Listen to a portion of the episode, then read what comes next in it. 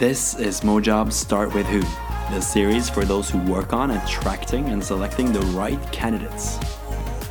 I dag har jeg prata med Kristine Ski, og du kan lære om lederprinsippene som har tatt hun fra å være økonom til å bli en toppleder. Hei og velkommen til en ny episode med Start With Who. Eh, I dag er jeg så heldig å ha fått med meg Kristine Ski. Kristine hun har hatt en lang lederkarriere innen retail i selskaper som Ica og Maxbo, og har i de siste årene vært eh, CEO i teknologiselskapet Viewledger og, og vært Head of Digital Consulting i Tieto Evry. Vi er så heldige å få Kristine på podkasten her, ikke bare som gjest, men også som gjestehost i de neste episodene. Eh, men først så har jeg lyst å, å stille deg en del spørsmål, Kristine, for jeg vet at du har så utrolig mye interessant kunnskap med deg. Eh, men vi kan jo bare begynne med å, du kan jo begynne å introdusere deg sjøl og fortelle litt om, om, hvem du er og, og, hvor du kommer fra. Ja, takk. Um, jeg um Kristine eh, Ski eh, kommer fra, fra Oslo. Eh, vokste opp i Grorud bydel, Groruddalen. Eh, hadde en eh, flott oppvekst der. Eh, og en oppvekst med med en stor sånn demografisk variasjon som har gitt meg masse liksom, input i det der å kjenne mennesker og variasjoner i samfunnet. jeg begynte veldig tidlig å jobbe. Mm. Jeg var elleve år allerede. Ehm, og jeg begynte ikke å jobbe fordi jeg måtte jobbe. Jeg hadde jo også veldig masse aktiviteter, så, det å jobbe på toppen, det, det, ble en full hverdag. Ehm, men jeg eh, fant veldig fort gleden i å jobbe.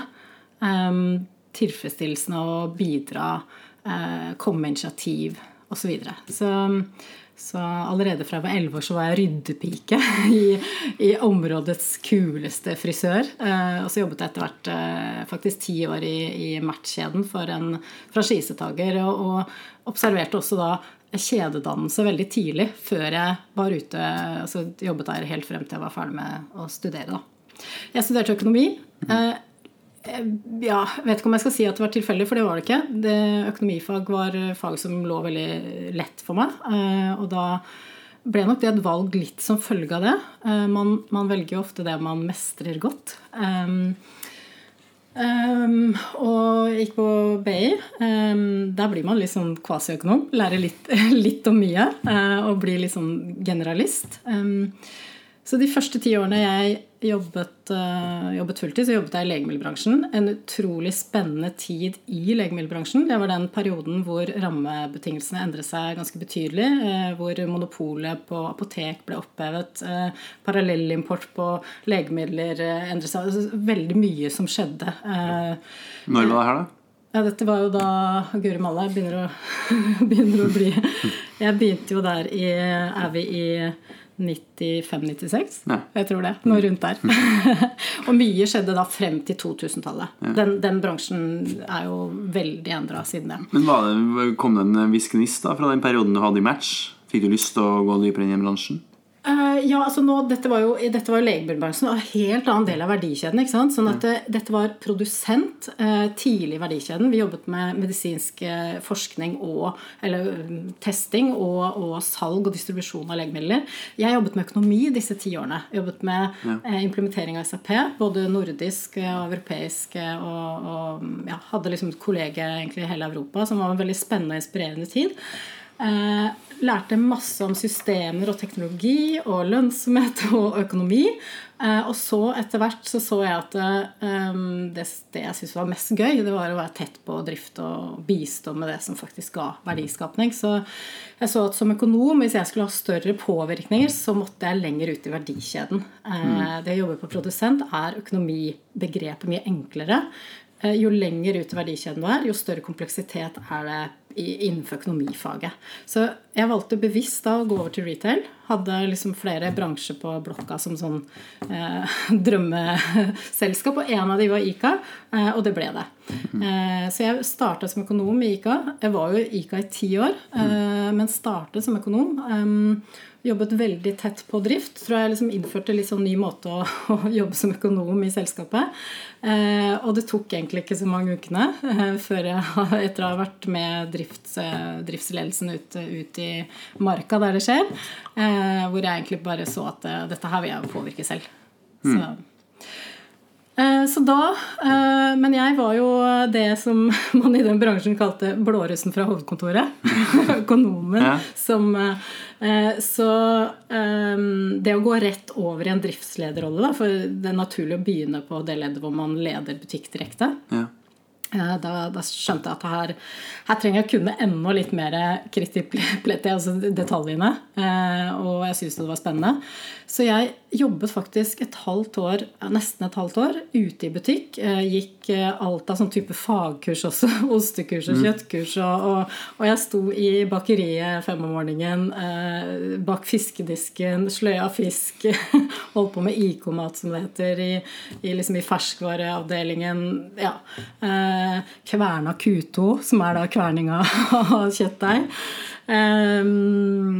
Og det var altså en fantastisk tid, og kanskje en av de halvårene i mitt eh, arbeidsliv som, ja, som har vært eh, ja, Som har betydd veldig mye, da. Um, det, det, for det første så lærte det meg og ga meg en sånn enorm stolthet for kjøpmannsyrket. Eh, hvor stor liksom, kompleksitet det er i en, en dagligvarebutikk. Det er jo en enorm logistikkorganisme. Mennesker som utfører det meste foreløpig. Um, og eh, veldig teamwork. Elska å starte dagen med, med Jeg jobba mest i en Maxi-butikk, som var da stor fullsortimentsbutikk. Um, og starta dagen alltid da med, med eh, kjøpmann, eller lederen for butikken. Og vi starta da med kundeveien. rista, oss, rista oss alt eh, internbutikkunnskap. Og så gikk vi ut på parkeringsplassen og starta og var kunder. Og, da, og så gikk vi da kundeveien, som det heter. Eh, fantastisk morsomt å se, å se da og, og, ikke minst det som jeg synes var ekstra inspirerende, da, var det der å klare å koble kundeatferd mot hvordan du bygde butikk, f.eks. Hvordan det påvirka salg. Eh, og hvordan vi Ja. Så det var en veldig spennende tid. ja. Hva, hva, tror du som gjorde at du lykkes så godt som du gjorde i ICA? da? Jeg tror faktisk at, eh, at den, denne investeringen jeg gjorde i starten, var ganske viktig. Ja. Altså, det, var, det, er mange andre ting jeg kan trekke fram. Men, var, var det frivillig at du var ute i butikk? Eh, det var faktisk mitt initiativ ah, ja. overfor HR. Eh, fordi, fordi, jeg så liksom at det kunne være Aller mest fordi jeg hadde lyst, men mm. også at det gir en annen kredibilitet når du går over i en sånn type rolle. Mm. Så, så, det var mitt initiativ. Det var det faktisk. Men det, det, det resulterte faktisk i at man hadde en sånn trainee-ordning for distriktssjefer, da, som det heter. Så det ble etablert i, i, i samme omgang, da. Mm. Jeg var jo egentlig litt for gammel etter å være trainee den gangen, så det, vet, vi kalte det ikke det i min rolle. Men, Undercover boss, kanskje? ja, det kan man ja, kanskje kalle det også. Mm. Men eh, ja, så gikk jeg da først over i, i distriktssjefsroller. Hadde ledet eh, butikker direkte. Eh, jeg har egentlig ledet i alle de kjedene som var i ICA den gangen. Som både var da lavprissegmentet, hvor det er en helt annen type drifting. Der var også mye av det, det liksom, ledelsesarbeidet og det strategiske arbeidet, egentlig. Veldig mye mot franchisekonvertering og en franchisestrategi som ble lagt de, rundt de tider. Um, mens uh, på disse andre formatene, altså fullsortimentsformatet, så er det en helt annen type Les det er mye større butikker, helt annen kompetanse du leder. Uh, mye mer fagmennesker, kokker uh, og, og, en helt annen konseptuell jobbing også i forhold til ma matglede og service. Og, ja, en helt annen type Eller i hvert fall litt andre parametere, da. Um, ja. Mm. Mm. Det så til slutt så endte det opp med at det ikke gikk så bra for Ica, men i dag en del av eh, ja, forskjellige Eller mest Coop, ikke De er en del av i dag. Ja. Men, og hele bransjen er kanskje litt sånn under endring og utfordring, men hva, hva, hva, hva kjennetegner de retail-bedriftene eh, som lykkes i dag? Jeg tror de som virkelig klarer å ta i bruk mer personalisert altså Forbrukeren i dag eh, krever noe mer enn butikker som stiller ut varer. Uh, og, og, jeg tror at de som klarer å ta i bruk liksom, mer personalisert innsiktsdata, da, er de som blir vinnerne. Til syvende og sist handler det om å konvertere, og at kunden velger å handle hos deg. Og så, så tror jeg disse teknologiplattformene blir viktige for kundelojalitet. en av de tingene som, som for selv om vi har hatt netthandel i mange år, og det har skjedd absolutt en utvikling, det er mange som er gode innenfor dette her, men, men, eh, men jeg tror at eh, eh, veldig mye av det som fins av teknologiløsninger i dag, er veldig sånn rasjonelt bygd opp. Eh, eh, en av de tingene som, eh, som Amex gjorde en sånn god test på, de, de, de har brukt mye kundeundersøkelse på liksom, hva, hva er en ny hva er en bra nettbutikk? Og en av de tingene kundene sier da, det er at eh, jo, mer produktinfo, som et eksempel. Eh, mer produktinfo, det, gir, eh, det, det er noe kunden vil ha. Men all statistikk viser at, viser at det, alt som er av mye info på, det handles ikke. Vi er veldig følelsesstyrte når vi gjør valg. Så det å tenke enda mer på hva som påvirker eh, følelsesmessig når du gjør et valg. Da. Hvordan du vinner hjertet til kunden er faktisk ganske viktig, spesielt innenfor retail. Dette er litt annerledes når man snakker om B2B. Eh, nå snakker vi om B2C, eh, hvor, hvor, ofte beslutningsprosessen er mye raskere. Da. Mm. Spill på følelser. I den tida i, i ICA, da, hvis du skal se tilbake på, på de ti årene du hadde der, mm. er det noe du ville ha gjort annerledes hvis du, skulle, hvis du hadde fått gjort det på nytt? Altså, jeg jobbet jo i ICA i en periode hvor eh, det gikk eh, ganske bra veldig mange år. Mm. Eh, vi var lønnsomme selv om vi mista markedsandeler. Og så var det en, en flere av de siste årene som, vi, som det gikk ganske dårlig. Mm. Og da kom man sånn generelt så kom man inn i en periode hvor, hvor det hele tiden er press på å levere resultater. Økonomiske resultater. Mm. Um, og da um, så min erfaring er altså når du er som leder, så vil det alltid være perioder eh, som, som, resultatene svinger litt. Og det er å eh, ta et skritt tilbake, puste med magen, eh, som vurderer virkelig hva er riktig å gjøre nå og ikke.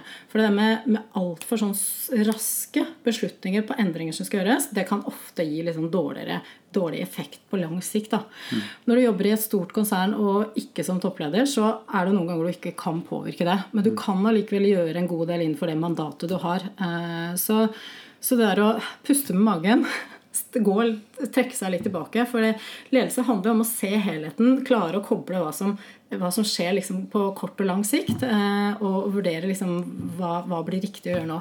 Og ikke minst tenke på hvordan du kommuniserer det. da.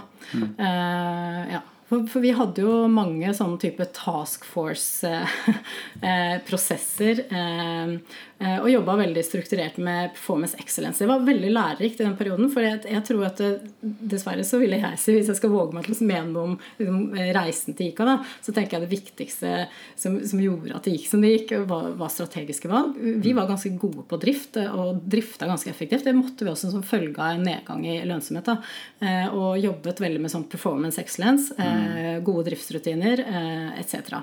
Og det, det klarer å liksom tenke den balansen, da. Um, ja. Mm. Um, så når vi fikk sånne oppdrag Hæ? Utvikling og drift er en vanskelig kombinasjon? Eller sånn vanskelig balansegang? Um, Nja, altså Nja, det, det, vet jeg ikke om jeg vil si. Jeg syns det, det, er spennende. Men i retail så, så, er jo ofte ledelse kanskje så mye som 90 mm. Og så er de 10% på toppen som er strategisk og konseptuelt. Da. Ekstremt viktig. Eh, ekstremt viktig for det langsiktige målet, men, men selve gjennom...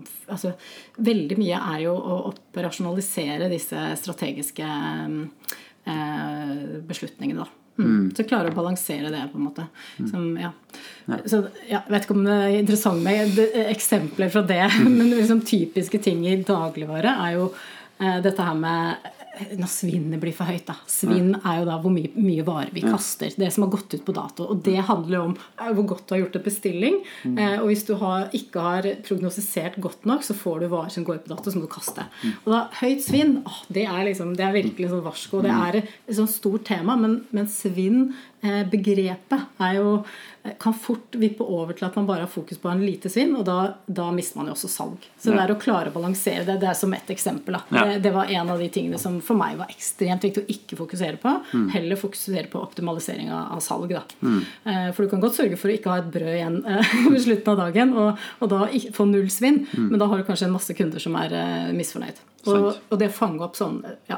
Mm. Så, så, mm, det å puste med magen, ikke, ikke, være så redd for at du skal få kjeft av sjefen din, eller, eller få høre da at du har litt svinn, mm. eh, men å heller klare å liksom balansere hva som er viktig på lengre sikt. Mm. mm. Og så, etter ti år i ICA, så var du klar for nye utfordringer. Du gikk fra å være jobb i økonomi til å bli regionsleder. Mm. Og så fikk du muligheten i en ganske så annerledes bransje, som jeg forstår det? Ja. Viewledger. Ja. Mm. Det er et selskap som, eh, som, er et eh, regnskapsbyrå, sånn okay. tradisjonelt. Men, men um, omsetningen uh, Det omsettes mye teknologi. Um, tjenester også. Så, så, i økonomibransjen, da, hvis man kan kalle det. Mm.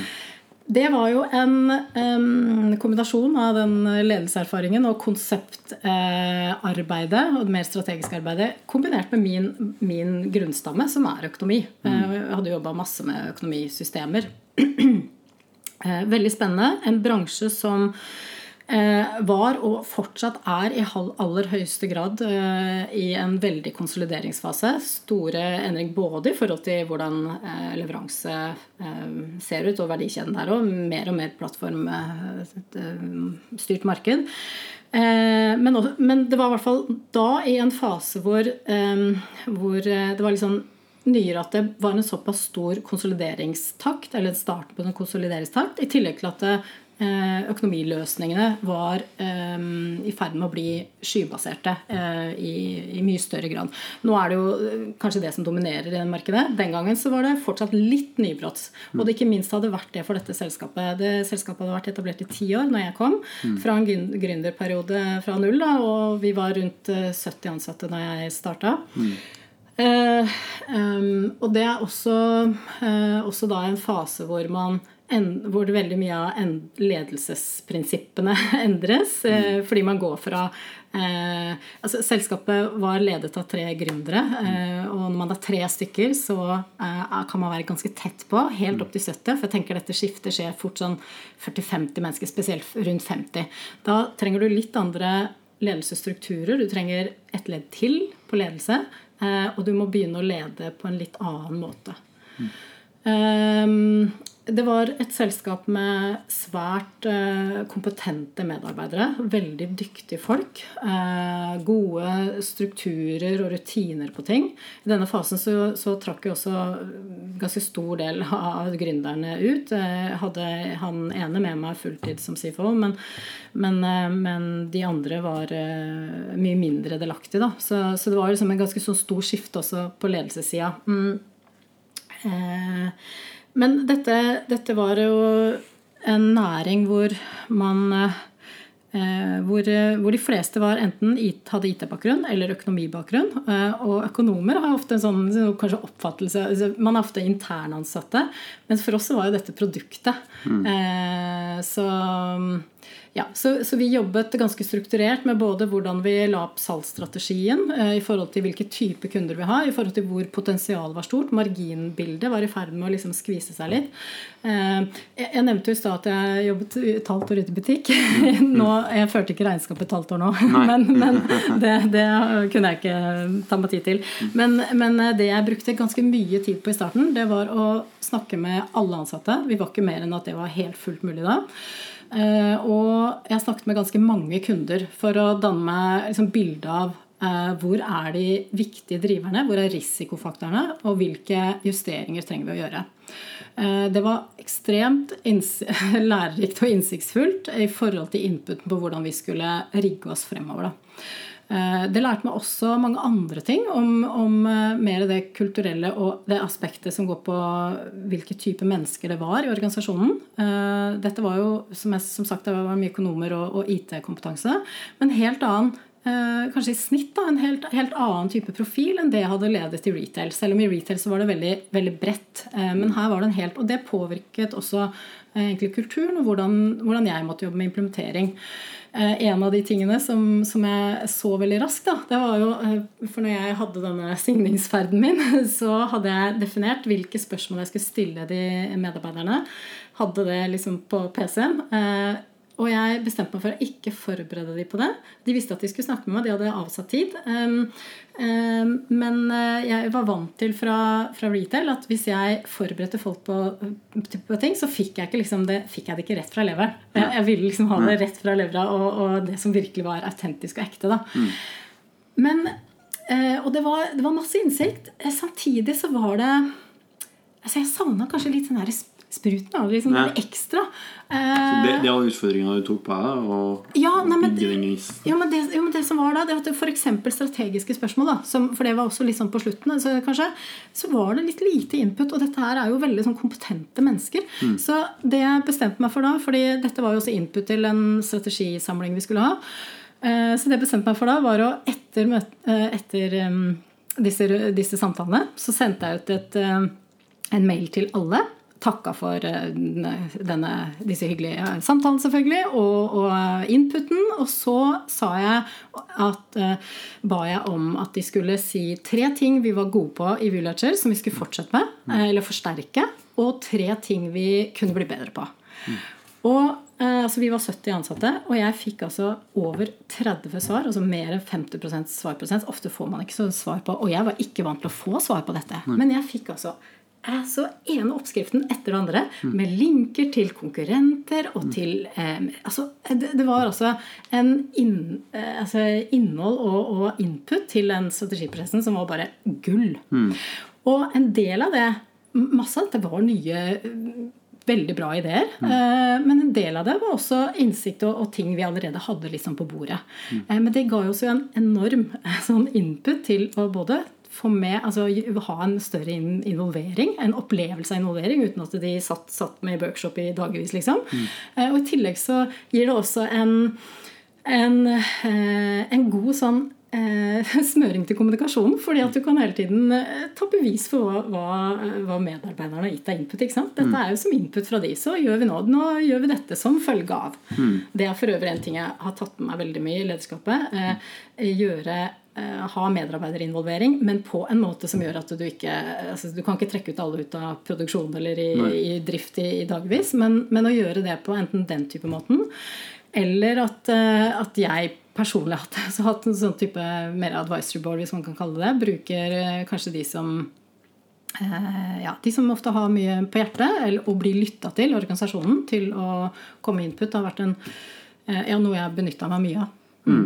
For så vidt en annen sak, for det, det har jeg brukt, brukt mye, mye ja. sånn og, øh, Men så du, du, tok på deg den utfordringen altså, altså, Hva var det liksom du satt som, som, mål for den Hva måtte du jobbe med øh, da du kom inn i Viewledger?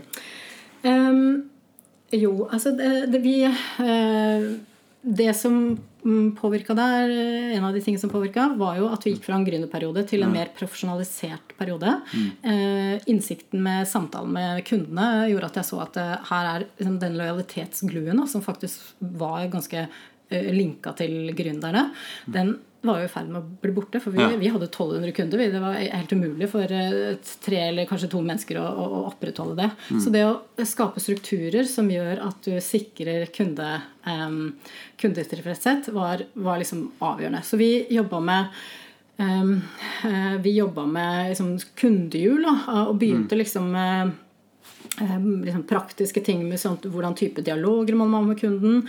Eh, trente på hvordan vi skulle ha innsikt. Ja. En av de tingene vi starta med først, var, var også å streamline eller, eller, gå opp verdiordene våre. Mm -hmm. Dette var bare starten på det å jobbe med, med kundeoppfølging. Vi kalte det for kundeoppfølging. Eh, og da konseptualis vi konseptualiserte jo også hvordan vi gjorde det. Eh, de, det var allerede etablert eh, et konsept for hvordan man gjorde regnskap. Eh, og så konseptualiserte vi mer hvordan man gjorde den rådgivende delen, eller den dialogarbeidet med, med kunden. Mm. Men eh, i starten så, så Eh, selskapet hadde ganske sterk kultur og verdi, egentlig, men det bar også preg av at det hadde vært noen oppkjøp som, som gjorde at man hadde litt forskjellige type, ja, litt forskjellige okay. kulturer. Eh, men vi, vi bestemte oss for å Eller tok i hvert fall initiativ til at vi skulle ikke bare ha disse verdiene våre skrevet i tre ark, som egentlig ikke noen hadde noe særlig forhold til, men vi, vi utarbeida verdiord, da. Eh, og da hadde vi en prosess på det. Eh, kategoriserte hvilket, hva var det som var viktig. Hva var det vi hadde skrevet ned, hva var det det handla om. Og jobba da så kreativt med forskjellige typer ord. Og så kokte vi ned. Vi hadde et mål om at vi skulle ha vi skulle ha verdiord som kunne danne et ord, for da er det mye lettere å huske det. Og, og for det, De fleste bedrifter husker jo ikke medarbeiderne verdiordene. Eh, og det betyr kanskje ikke noe heller. Og hvis det bare står på veggen, så har det ikke noe verdi. Så vi endte opp med eh, nære, som står for nyskapende, ærlige, rause og engasjerte. Eh, og da når vi jobba med denne verdiimplementeringa, så, så starta vi da med to av disse ordene, som var de ordene vi kanskje tenkte at vi trengte mest da. Og det var engasjert og nyskapende. ikke sant? Og hva betyr det? Eh, hva betyr det å være engasjert? Um, eh, hva betyr det i kundefront? ikke sant? Hva betyr det når vi ser at de betaler for høye kostnader for parkering f.eks.? Ja, tar vi kanskje opp den telefonen. Hvilken verdi det er, og, og hvilke resultater det gir. ikke sant? For det gir jo en, en lojalitet. altså du, du, Da leverer du mer enn forventa. Som er kanskje sånn liten ting, da. Ta disse, hva betyr det? Ta disse initiativene. Nyskapende. eh, Vi var jo Eller vi leverte jo skybaserte og fremtidsretta Altså den gangen eh, liksom mm, det beste på markedet. fortsatt det. Det- De leverer fortsatt det beste på markedet. Vi, vi var nyskapende i det vi leverte til kunden, men det vi gjorde internt, da, var kanskje ikke alt nyskapende. Så, og verdier handler jo om valg. Eh, eh, når du står overfor et valg, skal gjøre det ene eller andre, så er det verdiene dine gjerne. Og dette blir jo, er spesielt sterkt pri- privat. Det er jo verdiene som velger om, som, som bestemmer om du gjør det ene eller andre.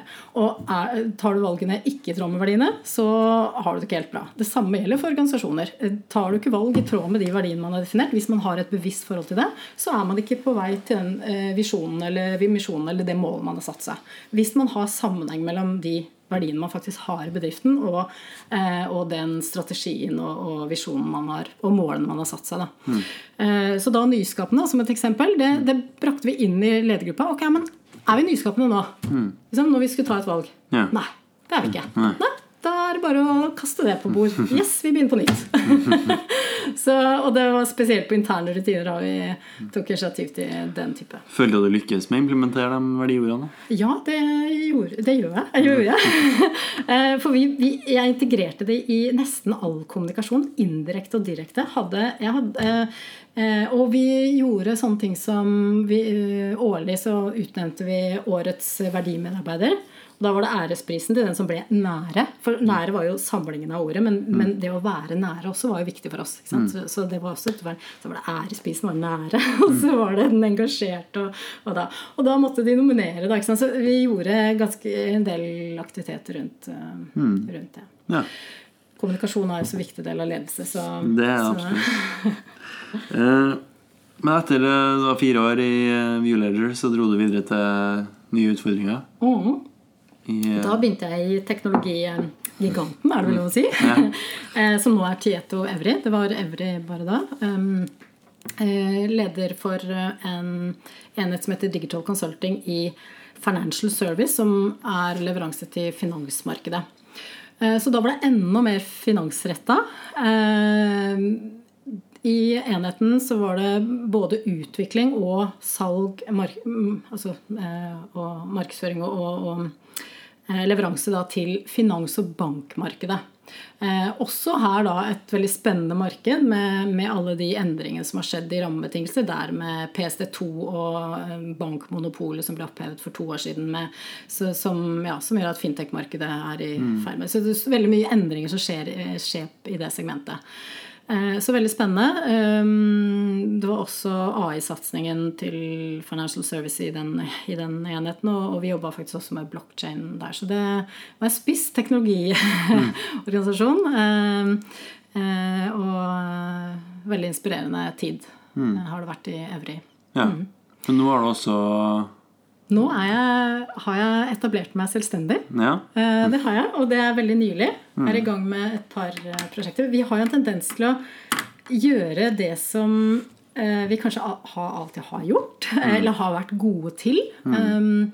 Og det vi får av forespørsler og mm. utfordringer. Og det siste halvåret så har jeg sagt nei til noen utfordringer som kanskje er, er ville vært naturlig nå, og som kanskje ser også attraktivt ut. da. Mm. Eh, men ehm, jeg tenker at eh, det ofte er når man lener seg litt tilbake. Mm. Lytter kanskje litt mer innover. Ehm, så vokser det frem andre ting som, som jeg kjenner at jeg er klar for nå. Mm. Jeg trives jo veldig godt med ledelse og påvirkning. Mm. Så jeg ser nok også at jeg, at jeg men det som har vært drivende for det nå, er en større fleksibilitet. Og Eh, og en større variasjon i det, det jeg gjør. Så eh, jeg er i gang med, ja, med et par prosjekter nå. Jeg bistår et selskap med vekststrategi bl.a. Og så jobber jeg med noen prosjekter som jeg ser hva jeg skal gå videre med. Ja. Mm. Hva, men hva er liksom når du har tatt den der uh, introspektive Tatt et steg tilbake og, og sett litt på hva du sjøl føler for. Har du også sett litt på hva du er god på? Hva er det du anser deg sjøl som? Som best på? Mm -hmm. Ja, eh, hvis jeg skal si det, så bør jeg kanskje fortsette som leder. um, jeg tror at uh, jeg kanskje er aller best på å se helheter. Um, det som alltid har drevet meg og liksom, vært liksom det jeg er nysgjerrig på, er å forstå folk og sammenhenger. Jeg er veldig opptatt av mennesker. Uh, men det å koble da det som skjer ute i markedet Jeg starter alltid med liksom, hvilket marked er vi nå? Uh, og, og, og derigjennom hvordan, hvordan er organisasjonen uh, mot det markedet? Fordi at det som styrer suksess på lang sikt, alltid, er hvordan markedet endrer seg. Så er det selvfølgelig sånn at eh, man kan påvirke det. Mm. Eh, de fleste adopterer jo gjerne bare, liksom bare følger trender, men man kan absolutt påvirke det. Men, men det å liksom koble eh, markedsaspektet, hva som skjer i konkurransebildet. Eh, alltid liksom, hva, er, hva, er, hovedkonkurrentene, hva er driverne for, for suksess der? Så ha den koblinga. Og så Det jeg snakker om der, det, det, er jo mest på det strategiske nivået. Og i det daglige så er jo ledelse eh, kombinasjonen mellom, mellom, eller den balansegangen mellom det strategiske og det operative. Mm. Og som regel så tar jo det operative mest tid. Eh, men det kan variere litt selvfølgelig størrelse på organisasjon eh, og hvilket marked og hvilken del av vekstfasen man er i. da. Eh, og jeg tror, jeg tror, at noen av mine styrker er liksom det, det, grensesnittet der. da. Ja. Så er jeg veldig opptatt av folk og veldig mm. glad i folk. Mm. og kanskje det som inspirerer meg mest, er jo å virkelig se at folk vokser. og Eh, aldri vært redd for å gi folk for store sko, som jeg kaller det. Eh, da må du følge de litt mer som leder. Men det å spotte talenter, det er liksom noe som ah, Det er, det er ikke noe som gjør meg mer glad enn det. eh, og jeg har hatt en sånn motto med at uh, min drivkraft som leder er å få medarbeidere til å skinne. Og mm. det er virkelig noe som gleder meg mest. Da. Uh, ja. Og det, også derfor det å finne de beste kandidatene, mm. det er jo kanskje noe av det viktigste som mm. leder. For, og det, det, er det virkelig. Altså. Nå mm. kan det høres ut som jeg sier veldig mange ting er viktig, og det er det jo, men mm. til syvende og sist så leder du ikke noe alene. Med, med mindre du er enkeltmannsforetak og bare leverer deg selv. så, så, det å liksom finne de beste kandidatene, det er noe av det viktigste du gjør som leder. Mm. Hva er, um, er det noen sånn fellesnevnere for de talentene du finner, både eksternt og internt? Er det liksom sånne kvaliteter du, du, er veldig Du ser etter? Um, nei, det er det ikke. Fordi at det er så forskjellig hvilke roller de vil ha. Mm. Så det aller viktigste er å klare å se uh, det behovet du har til den type rolle. Mm. Uh, og så Jo, det er én ting, selvfølgelig. Det, det har litt med det med verdier. Mm. Uh, men hvis folk blir for like, så blir det for, for det første blir det for kjedelig. Mm. og for det andre så tror jeg ikke man får mest, best mulig ut av det. Og, det. og det har jeg også av og til jobba litt sånn strukturert med. jeg, jo, jeg liker jo egentlig å følge litt intuisjon og og, og, og, jobbe litt sånn flyt, flyt, flyte mellom liksom, teorier og, og disse strukturene. Men, men, jeg har en ganske sånn strukturert eh, base. Jeg er økonom. Eh, og akkurat i forhold til rekruttering så har jeg også brukt det litt. Eh, som regel har, har vi brukt personlighetstester når vi, når vi rekrutterer. Det er faktisk litt mer sånn Jeg er ikke så sikker på om personlig er, nødvendigvis er så viktig alltid. Føler kanskje personlig at jeg, at jeg, at jeg ja, at jeg leser folk litt. Men, det, jeg skal ikke overdrive det. Det er kanskje ikke, ikke politisk korrekt å si det. Men, men, det jeg ofte har veldig sånn kobla det til, det er å, å se hvor um, altså, hvordan profil jeg trenger akkurat til den rollen. Uh, og en av de tingene vi brukte, som vi brukte litt i View bl.a., var å liksom tenke strukturen for eksempel, til Kotter, disse her endringstrappene som han har definert. Hvilke type profiler trenger du for å få til disse endringene? Mm. Det gjorde vi faktisk i, i View i forbindelse med en sånn lederutvikling. Så hadde vi personlighetstesta alle. Og så mm. hvor, hvor, er det, hvor, er det, vi har profiler? Og da så jeg fort hvor jeg må, ha, hvor jeg må fylle på. Mm. Hvis du bare har gjennomførere eh, og ingen på oppstart eller slutning Du må ha hele hjulet. Du må ha de som kommer med ideer, du må ha de som starter, du må ha de som gjennomfører, og så må du ha de som gjør etterarbeidet. Eh, veldig ofte vet du, når du når du ansetter ledere, så er det veldig ofte at man har veldig sånn fokus på um, Man helst skal ha noen som kan litt om Eller er god på alt. Og det, det tenker jeg det mm, Ja, det det er ofte ikke en suksess. Du må ha en kombinasjon da, i en ledergruppe f.eks. Mm. Så derfor så um, tenker jeg det viktigste er å koble, koble det, det, behovet du har i rollen mot uh, kandidatene. Ja. Mm. Eh, på, på, slutten av intervjuet så bruker jeg å stille noen sånn uh, avslutningsspørsmål. Eh, hva, har vært din favorittfeil? Hva er den feilen du har gjort eh, i din lederkarriere som du har lært mest av? Um, da tror jeg det er ett stikkord. Og det er ikke en enkel hendelse, men det som uh, ofte gjør at man feiler, det er å ikke gjøre forventningsavklaringer. Mm. Og det gjelder både i ledelse og i livet og kanskje alt. Mm. Men um, det hjelper ikke å, å, levere gode resultater, eller det hjelper ikke å liksom, ta knallgode initiativ eh, hvis, ikke, hvis, du ikke har gjort forventningsavklaringer til dem du skal levere til. Mm. Og det være seg eh, som toppleder mot eh, styre eller eiere, eh, eller som mellomleder mot din, din nærmeste leder. Mm. Det med, og det handler jo om kommunikasjon. Så mm. det å hele tiden eh, kommunisere og gjøre forventningsavklaringer og så kan det kanskje høres defensivt ut, for det gjør at du sikrer deg på å ikke gjøre feil. Da. Mm. Jeg er jo veldig for at man skal, man skal tørre å følge det som, som opp, oppleves som riktig. Men, men eh, ja, forventningsavklaring tror jeg er kanskje stikkord jeg ville sagt da, i forhold til hva som er viktig for å Eller da man, da man feiler, er at mm. man ikke har gjort det. Mm. Tenker jeg, i det generelle trekk. Um, og litt sånn relatert til det også for så vidt hvis du skulle ha snudd deg rundt nå og, og gitt et, eh, et, råd til en 28 år eh, gamle versjon av deg sjøl, mm. eh, hva, hva, ville det vært? Hvor var det i livet da du var 28? For å Eh, da, jeg, da, hadde jeg prosjektansvar for implementering av SAP. Ja, okay, ja. da ville jeg bare sagt 'følg hjertet'. Ja. Og jeg har jo jeg har du, gjorde, gjort det. Du, du fulgte rådet, så du er litt fornøyd med det? Ja, jeg har, jeg har, egentlig For jeg har jo gjort en eh, ikke en sånn rett opp-karriere. Jeg har jo gått litt sideveis og litt sånn, så mm. Mm. egentlig ganske fornøyd med det. Sånn og eh, Hvis du skal anbefale noen av lytterne her eh, til noe litteratur, enten på ledelse eller eller eh, det med folk osv. Hva, hva ville det vært? Hvor, hvor er din favorittbok? Eller? Um, da tror jeg jo da, da tror jeg, jeg må være frista til å i hvert fall nevne én bok, da. Siden podkasten heter 'Start with Who'. Mm. Fordi når jeg så det første gang, så tenkte jeg nei, men det er jo ikke 'Start with Who'. Mm. Det er jo 'Start with Why'. Ja. for en av, mine, en av mine virkelig favoritter mm. Eh, opp igjennom Jeg har jo mange, for så vidt, men det det er jo nei, Gud, Simon Sinek.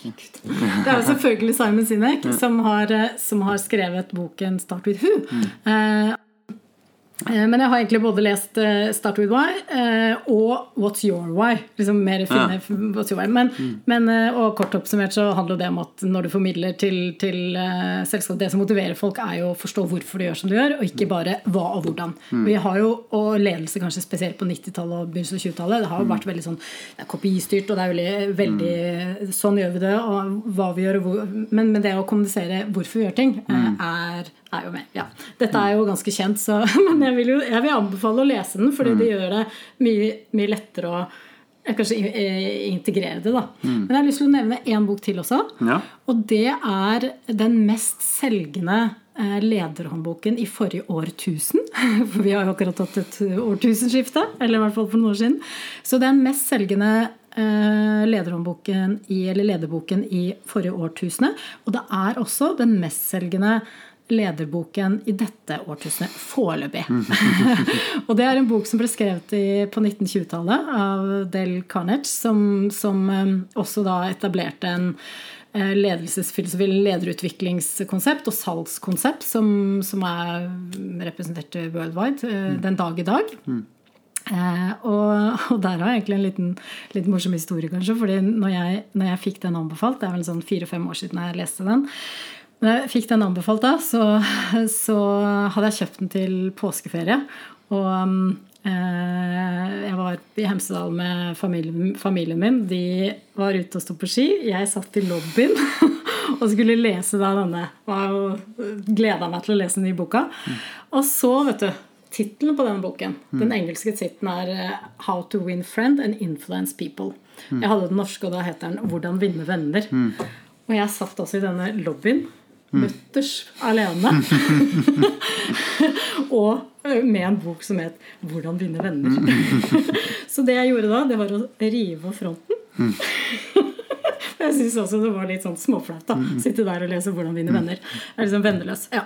Det passer barnslig når du har passert 40, men jeg gjorde nå i hvert fall det.